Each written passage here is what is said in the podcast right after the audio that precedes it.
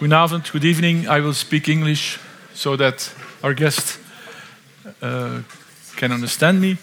My name is uh, Philippe van Houten. I represent the Center for Contemporary European Philosophy of this university, CCEP, that uh, organizes, together with Radboud Reflects, uh, the, uh, this evening. And so we are very happy that we could invite for tonight uh, Séverine Kodjo, that she could accept that she could accept our, our, invitation to speak at the occasion of the fifth anniversary of our CCP. Um, the Center for Contemporary European Philosophy started some years ago a research line, as they call it these days, a research line on intercultural uh, philosophy. And in that context, and some of you might have participated to these events. In that context, we already invited a number of people. Uh, I only mention a few. Uh, Bashir Diagne uh, gave a talk on philosophy in Islam. Ibrahima Thioub spoke on the history of slavery, and last uh, May we had uh, Felwine Sarr from the University of uh, Université uh, Gaston Berger of Saint Louis, who spoke about his book Afrotopia. And I'm very happy to be able to announce that the same CCP uh, will uh, translate Afrotopia. The book will be published normally in April in Dutch. Now, this um, we invited uh, Séverine Kodjo for this uh, fifth anniversary to indicate the importance that the CCP gives to intercultural philosophy. That is, to the need to broaden our philosophical pers uh, perspectives beyond our own uh, culture. Séverine uh, Kodjo is a philosopher and a journalist. She um, was responsible for many years of the cultural pages of Jeune Afrique, and at the moment she works at, uh, uh, at, uh, for, the, for the French newspaper Le Monde, but she is in this context, above all, the author of a very interesting book on African philosophies, Af philosophie africaine, uh, philosophie in the plural. Um, it's a very interesting book. For those who read French, I can recommend it, and I hope that it will be translated soon. If not in English, then maybe in Dutch, who knows. Uh, it would be more than worth it. So we were very, we are very happy, uh, Séverine, that you could that you that you could accept our invitation, and I give the floor to you.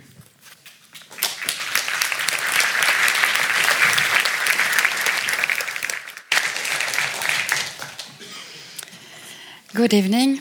I am very, very happy to be here with you. So, first and foremost, I would like to thank Philippe Van Houten and Hanuta de Groot for this invitation. It's a, really a great honor for me to be with you. Uh, tonight, I would like to speak about African philosophy in a specific way. I will not relate the history of African philosophy, but I would like to distinguish how African philosophies can help us to think, to rethink our world, and how they can help us to make world together. It seems to me also that African philosophies can help us to rethink Western modernity in order to move on from it. I would like to begin with an observation about our contemporaneity we have never been so linked each other as we are nowadays. The internet has reduced distances. From a technical point of view, we can easily speak with someone living in another part of the globe. A natural disaster occurs in Japan, for example, and you know it immediately by Twitter, Facebook, TV, and so on.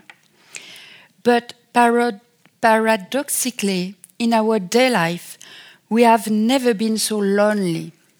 There are more and more nuclear families. Solidarity is attacked from all sides.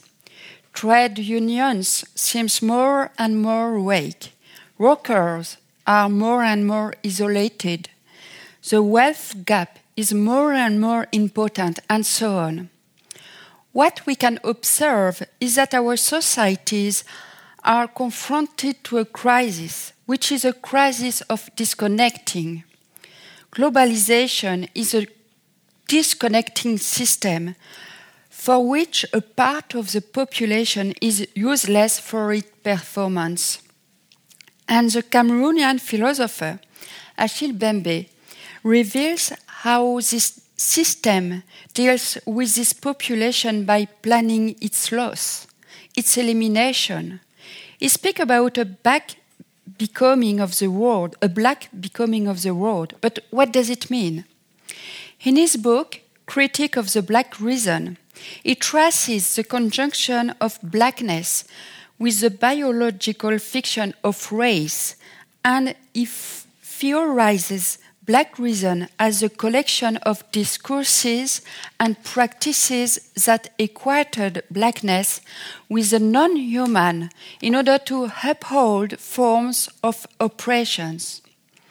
Achille Mbembe argues that this equation of blackness which is a construction with a non human, will serve as a template for all new forms of exclusion.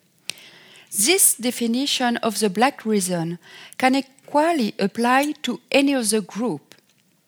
Historically, black people as slaves were useful to nourish the capitalist system, which built itself on the slave trade and slavery. But nowadays, slavery is replaced by a new category of population that globalization no longer needs for its performance because of robotization and development of technology. So, globalization plans its loss. But the crisis we have to deal with is also an ethical crisis because we are not able to take care of those who suffer, especially if they are foreigner. We have broken the link which connected us to humanity by considering that a part of it is barbarian. This disconnecting situation can also be perceived in our relation to nature. Ecological crisis is born out of our break with nature modern Western man has broken his link with nature. It seems to me that thinking with Africa through African philosophers can be useful to enrich our thought to see in which way we can solve this disconnecting crisis, since some of them offer a relational perspective, a relational rationality. What I would like to suggest is to refresh by drawing on African philosophies our conception of our social life and to enlarge this letter to the living, to all the living beings in order to profile a desirable future. But in order to realize it, I believe that it is necessary to reconsider Western modernity because it will help us to understand where we are come from, who we are, in order to distinguish what we have to rethink for a better togetherness, for a better collective life. The ecological crisis has made us aware of the necessity to rethink our link to nature and the limits of the Bacon Descartes model according to which human is master of nature. Modernity has extracted Western man from nature. This new Western man has transformed nature into, into an exploitative resource, and in the same movement, he decided to conquer the world what is interesting to outline is that one of the justifications for colonization in legal manuals was a non exploitation of the land by local populations. As early as 19, uh, excuse me, uh,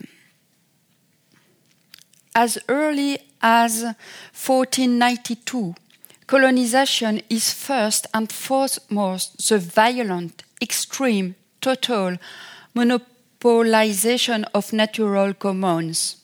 This model has led to an outrageous exploitation of nature, to an uncontrolled pillage, and has fostered the industrial and capitalist development of the Western world. And last, it has led to the Anthropocene or Capitalocene. Western modernity broke its link with environment and with the rest of humanity in an exploitative relationship. It is the contrary of wanting to make world, to make worlds, to make the world. The question is how can we think a way of anchoring to the earth that is nourishing and that is not exploiting, and that permits us to relink ourselves to others in order to build a shared world? Building a shared world is wanting that everybody can live off the land and can share everything the land offers us. According to Kwasi Wiredu, who is a Ghanaian philosopher, in traditional African cultures, the land belongs not to the individuals, but to the whole clans, and individuals only have rights of use that they are obligated to exercise considerately so as not to render nugatory the similar rights of future members of the clan. This questions the very concept of property on which a global capitalist system built itself. Nelson Mandela, who transformed the notion of Ubuntu that we can translate by, by I am because we are in a philosophical concept, explained during his trial in 1964 that his ideal of a classless society came from his reading of Marx, but also, I quote him, from my admiration of the structure and organization of early African societies in this country. The land, then the main means of production, belonged to the tribe. They were no rich or poor, and there was no exploitation. Private ownership does not exist in this system. Kwasi Wiredu explains that the external world that the traditional African recognizes includes other human beings and living and non living beings, as well as extra human beings of various grades of power and intelligence, ranging from the superhuman to the subhuman. All these are regarded as regular parts of the world order. There is therefore no question of trying to control or dominate this whole scheme of things and beings. What are the consequences of this? Community must be enlarged to encompass not only the ancestors and the not yet born, but also all the living and non living beings. There are obligations to both ancestors and descendants, which motivates environmental carefulness, all things being equal, said Wiredu. There is a real importance of the rights of those who are not yet born. This is not theoretical. This is practical and defines both a praxis and an ethics. This is the reason why the Kenyan philosopher Henry Odera Oruka, I quote him, argues for an eco-philosophical approach which recognizes the totality of spatial, temporal, spiritual, and other interlinkages in nature because there is a need for a shift towards a new epistemological outlook in which humankind is viewed as part of a complex and systematic totality of nature. These are two conceptions of nature which imply two conceptions of ethics. One, the Western one, is anthropocentric. The other, the African one, is ecocentric. This ecocentric conception supposes to recognize the importance of relationship. I would like again to allude to Western modernity. What we have to keep in mind is that Western modernity is also the period during which Copernicus decentered universe by discovering heliocentrism humanity was no more at the heart of the cosmos, a fact that Western man has had difficulties to accept. Indeed, despite of this discovery, the West has never been really heliocentric. A process of withdrawal from the cosmos from a philosophical point of view was developed in the West during the period of so called modernity, which, write Emanuele Coccia, identify itself with the appeal of the earth at the expense of the stars, with a ever deeper affirmation of the earth as a definitive horizon of our existence and of all knowledge. But if we peer the cosmos, we can see the very importance of relation. I would like to take the example of the virtual particles.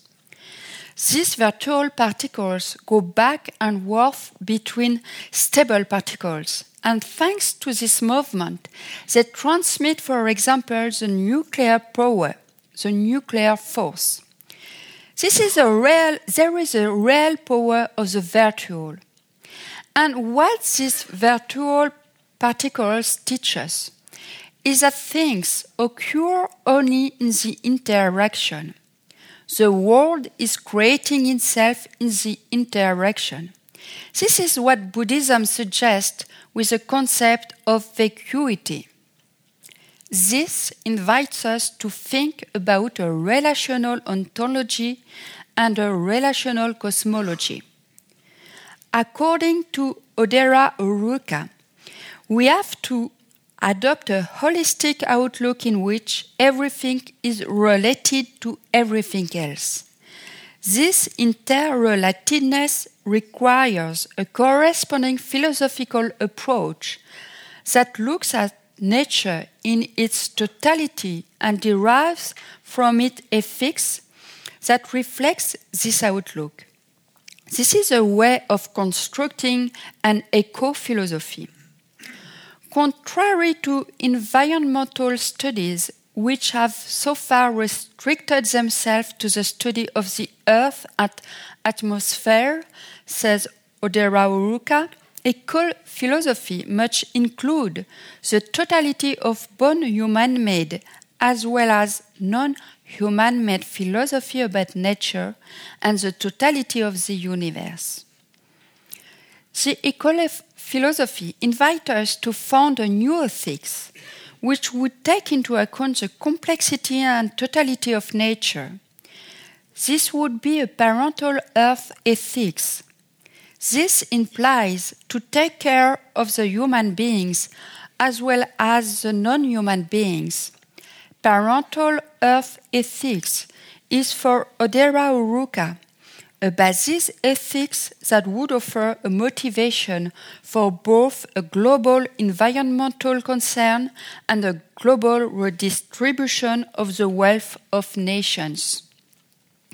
In the second half of the 20th century, African philosophy built and defined itself in opposition to African cosmologies, to animism, and yet it could be extremely fertile to explore these traditional philosophies in that, according to the Senegalese thinker Felwine Sarr in Afrotopia, the conception of the universe that is visible in a wide variety of African knowledge and practices is that of a cosmos thought as a great living thing. It is a whole of which man is an emanation, one living being amongst others. Man is considered as a symbolic operator linking heaven and earth. The ritual of repairing the earth constitutes one of the most significant symbolic acts in a realization of this responsibility. They could certainly provide us with a rich source of material that we need to offer a post humanist thought, which is, and this is not a paradox, would allow us to accomplish our humanity in that becoming human would bring us back to helping life and every life force grow. To succeed in, in making a world is to achieve one's humanization, not only for humanity, but for everything living, and to inscribe oneself into a cosmology of emergence. From this point, of, from this point on, the in common is our horizon, that which we should all reach out towards. This obliges us to sketch out an ethic of relation which reinforces being and allows us to realize ourselves fully.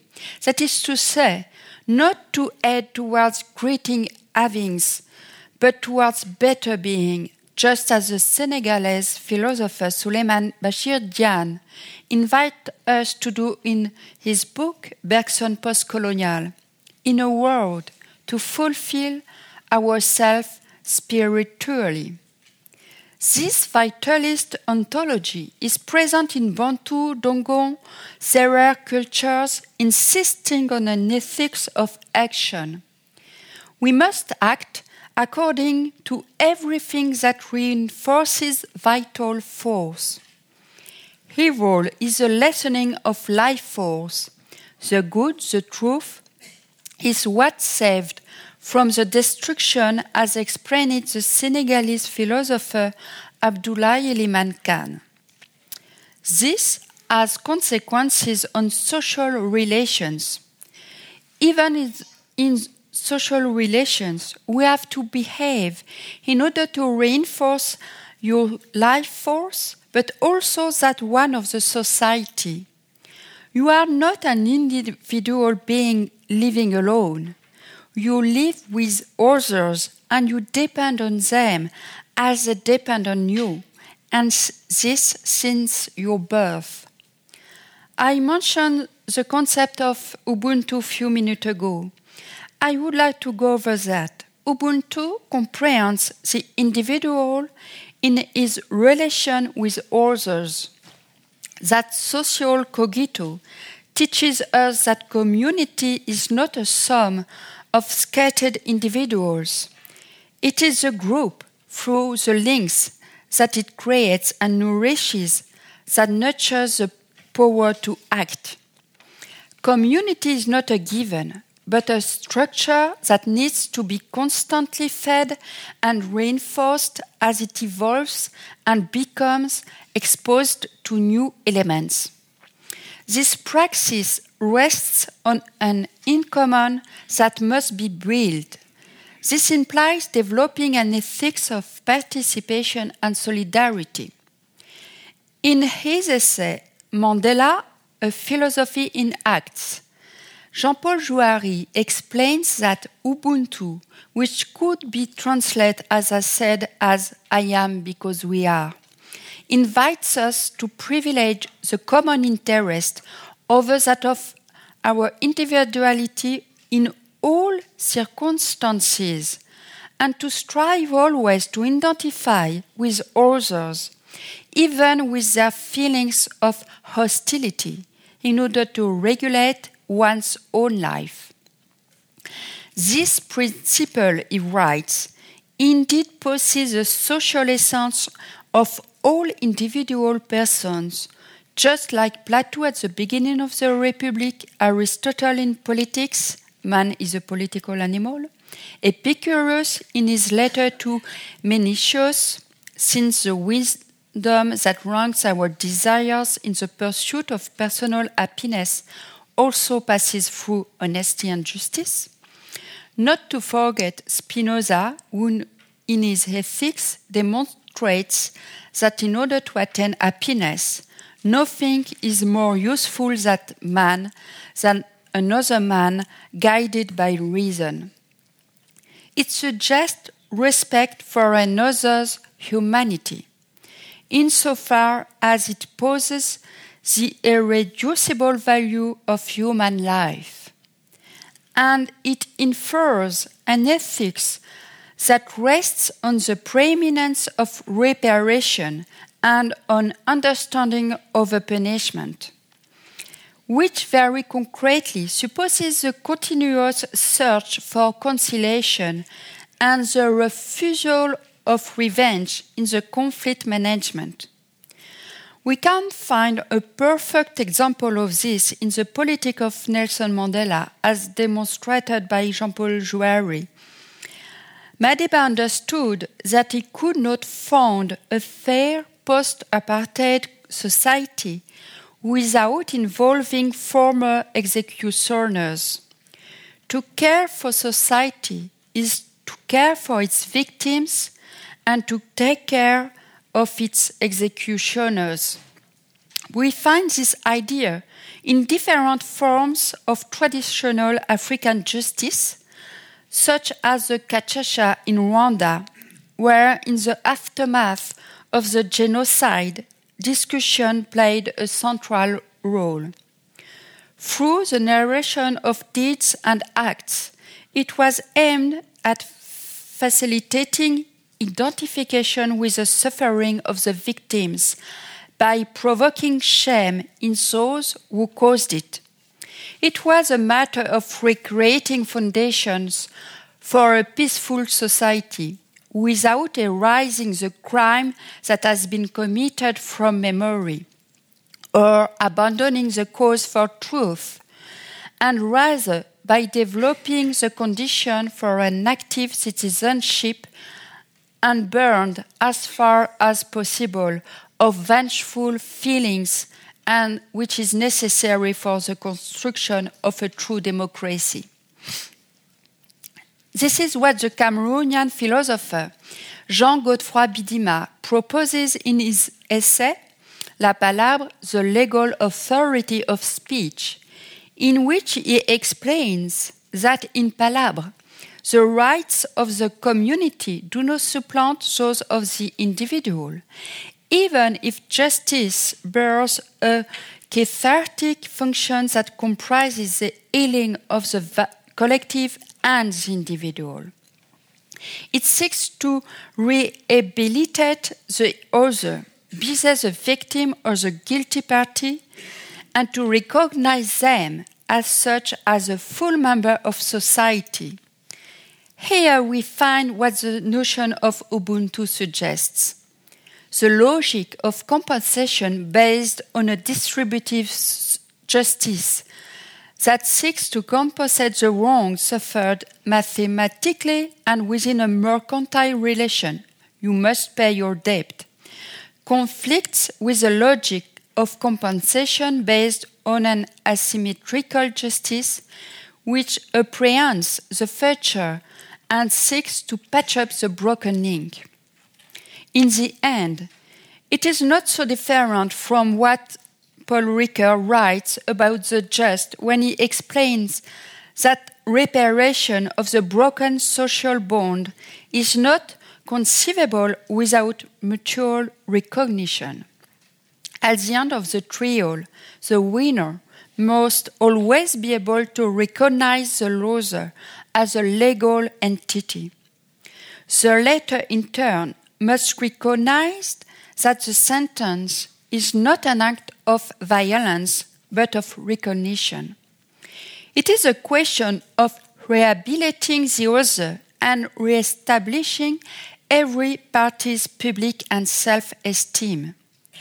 Justice must ensure that the honor of the victim but also that of the losing party, is preserved. Jean Godefroy Bidima explains that there are two ways of understanding palabre. The first one, I quote him, defines it as a movement that brings violence to an halt after heated debate. It leads conflicting individuals towards consensus. In Palabre, according to this perspective, one exercises disagreement in order to foster unity and create a people united and indivisible. The second one is the aporetic palabre, which does not resolve a conflict but suspend it and invest in dissensus. Bidima explains that dissensus should be an all encompassing element that frames every relation to the political, because beginning from the existence of desire, subjects return to divergent relationship at the heart of the, a common political space. Rather than harmony, this kind of palabre contributes to a compromise, temporary agreements that respect particularities and alterity. I quote him in the ideology of consensus driven palabre, one proceed towards a resolution of conflicts, whereas in the aporetic palabre, conflict is only suspended. What is interesting with the aporetic palabre is that it allows us to transform tension into a positive thing, to preserve the multiple, the differences, the diverse, the diverse. This aporetic palabre permits to construct collective life despite dissensus and upon it. Bidima writes that palabre as the formation of a discourse, of codes, and of networks constitutes the place where human coexistence is made concrete. It does not define collective life, but draws a frame around it. In fact, Palabre is a public space in which a soul constructs a meaning. The meaning is what relinks, what binds together a community. This public space that the aporetic palabre construct is that one which allows to reinforce the collective life, the individual's vital force, and the community's vital force, and it allows to make the individuals become citizens.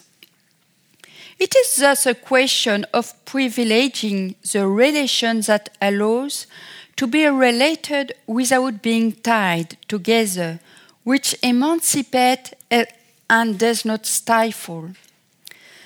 Souleymane Bachir Diagne, in Léopold Sédar Senghor, L'art africain comme philosophie, writes We can, Teilhard de Chardin tells us, follow the path of egoism, which consists of only thinking that movement has attained sense with oneself, whether one is an individual or a nation.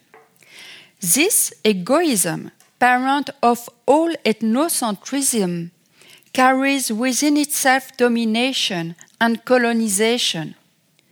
We can, on the other hand, fully grasp the meaning of being born and developing as a function of a cosmic stream, and thus see the responsibility of having to continue the effort to bring about more life, more being, by extending towards ever greater unity the generative forces of the world.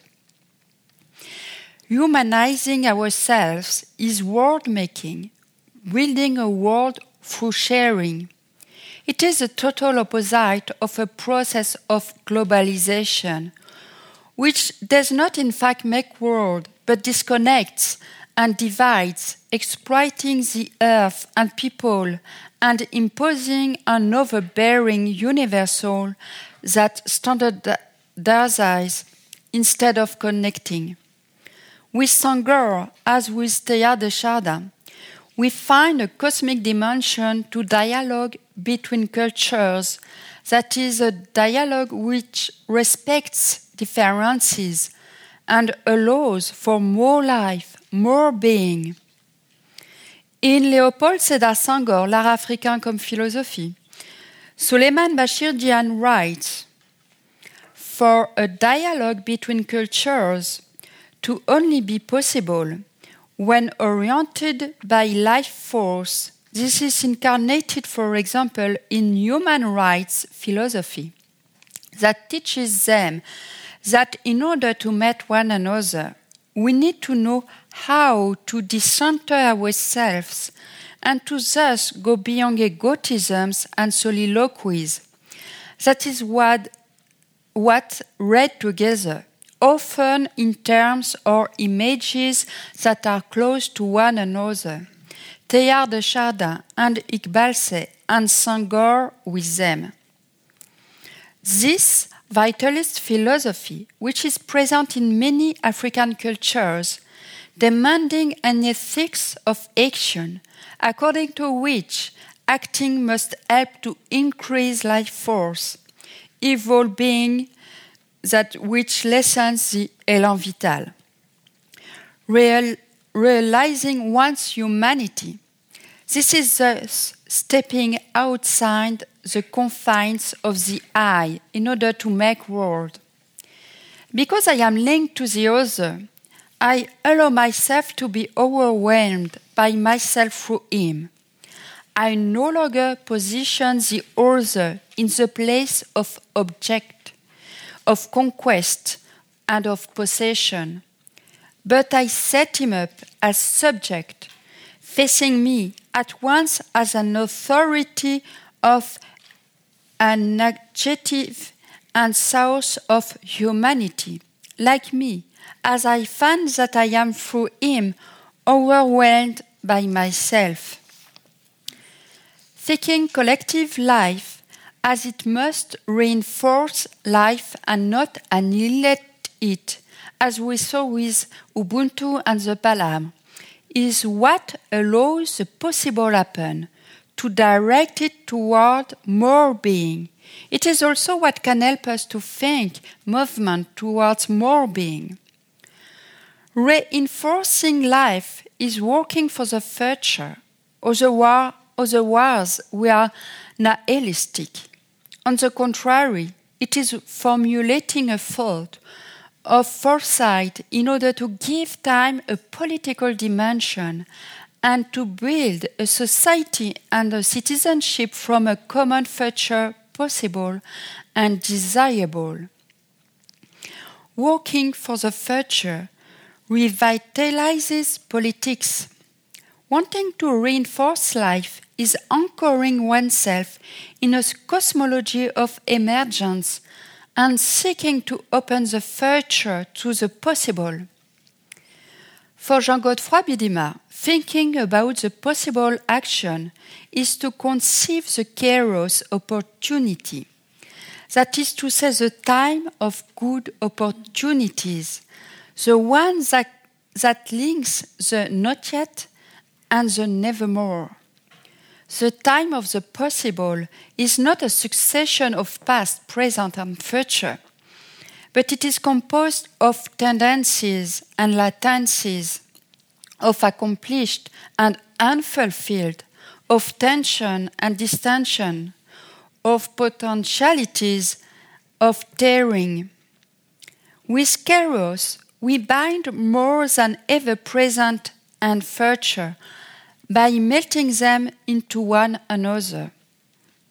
It is because we seize the right moment, here and now, that we build the future and allow the potential to happen.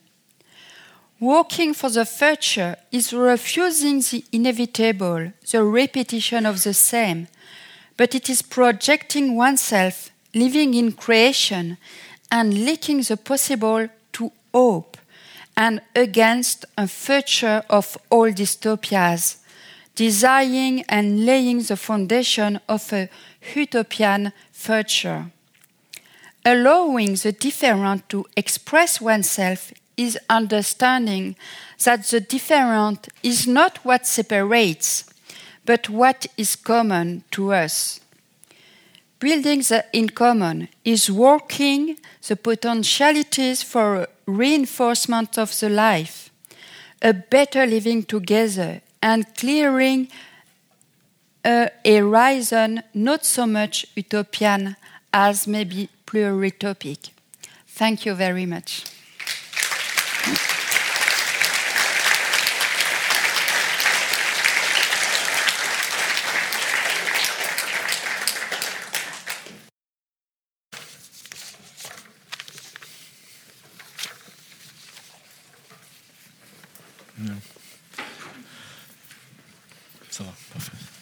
Thank you very much. Um,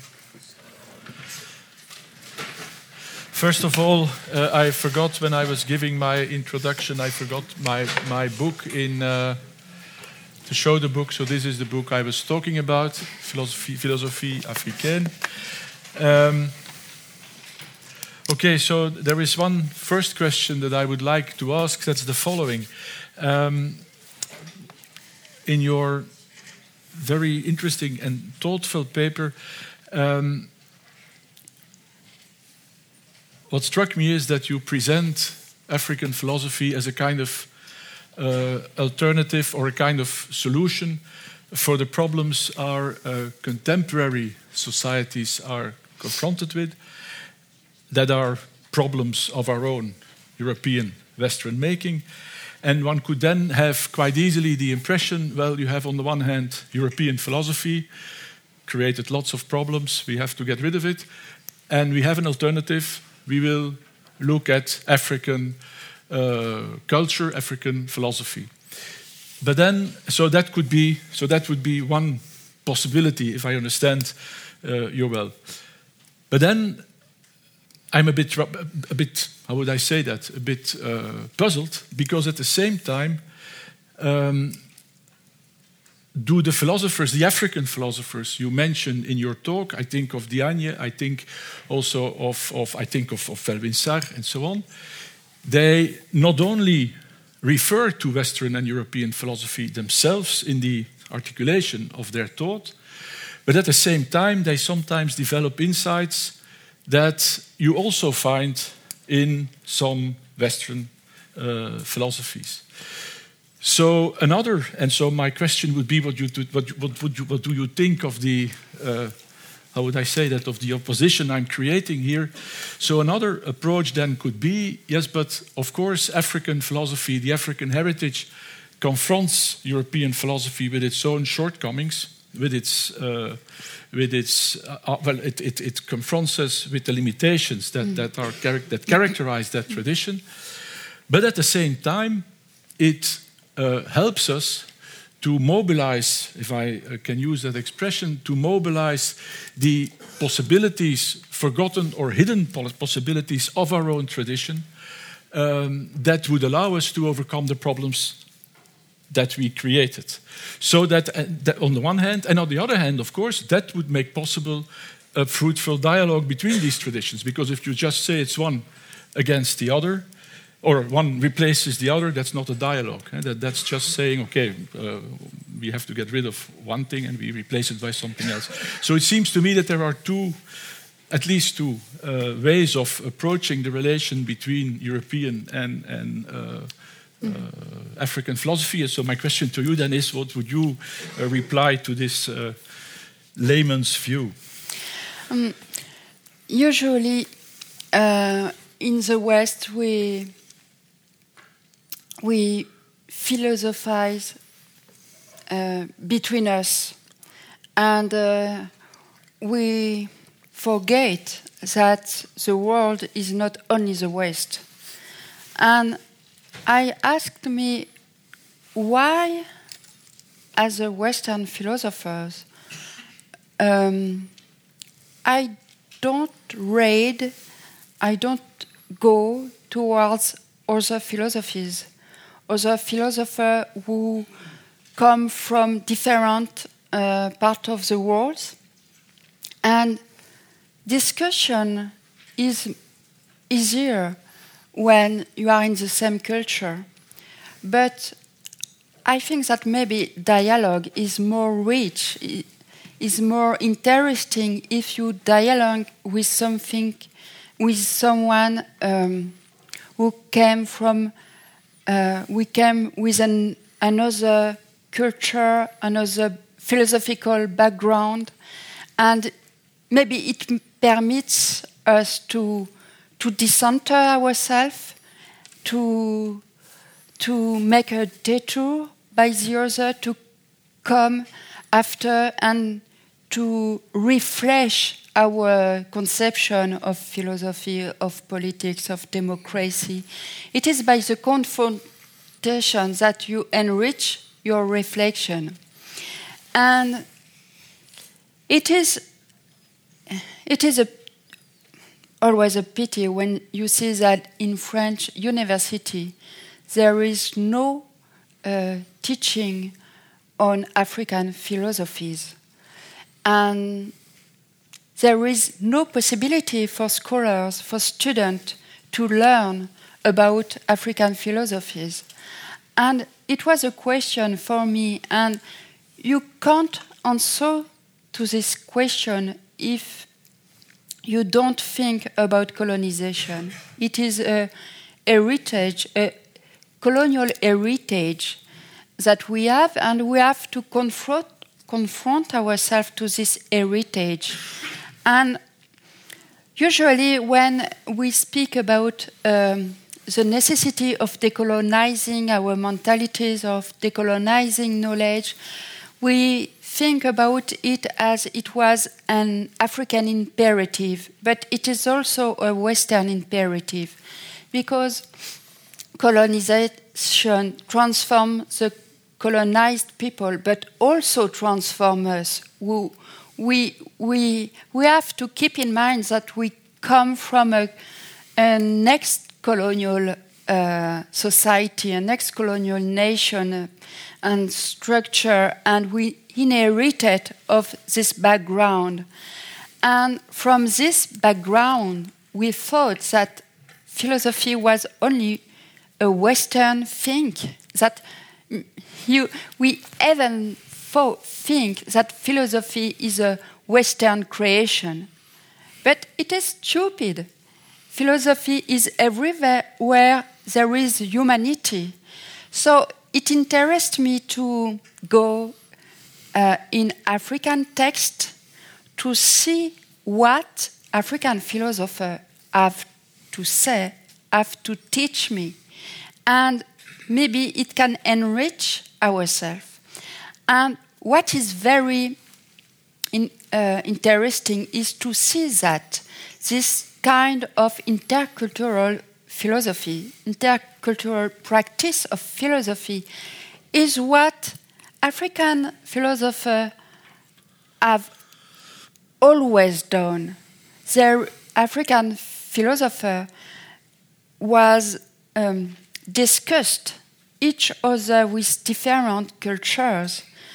In Timbuktu, for example, there, there were a lot of philosophers coming from different parts of the world and they discuss each other in what we call today Ethiopia. Um, we translate Aristotle in uh, Ethiopia in the maybe five or sixth century of this era. So it is interesting to remember this and to say that this practice of philosophy is a practice of the encounter, of meeting, of exchanging. And um, contemporary philosopher, African philosopher, um, use Western concept if they think that they need of it and they use traditional concept if it's better for them to think about African philosophies. And I think that we can, if it's better for us in the West, to rethink the political situation, to rethink how we can make a society more um, with more solidarity. If it's useful to to to think with the Ubuntu concept, so let's do it. Mm-hmm. In, in, in that along along uh, that line. Uh,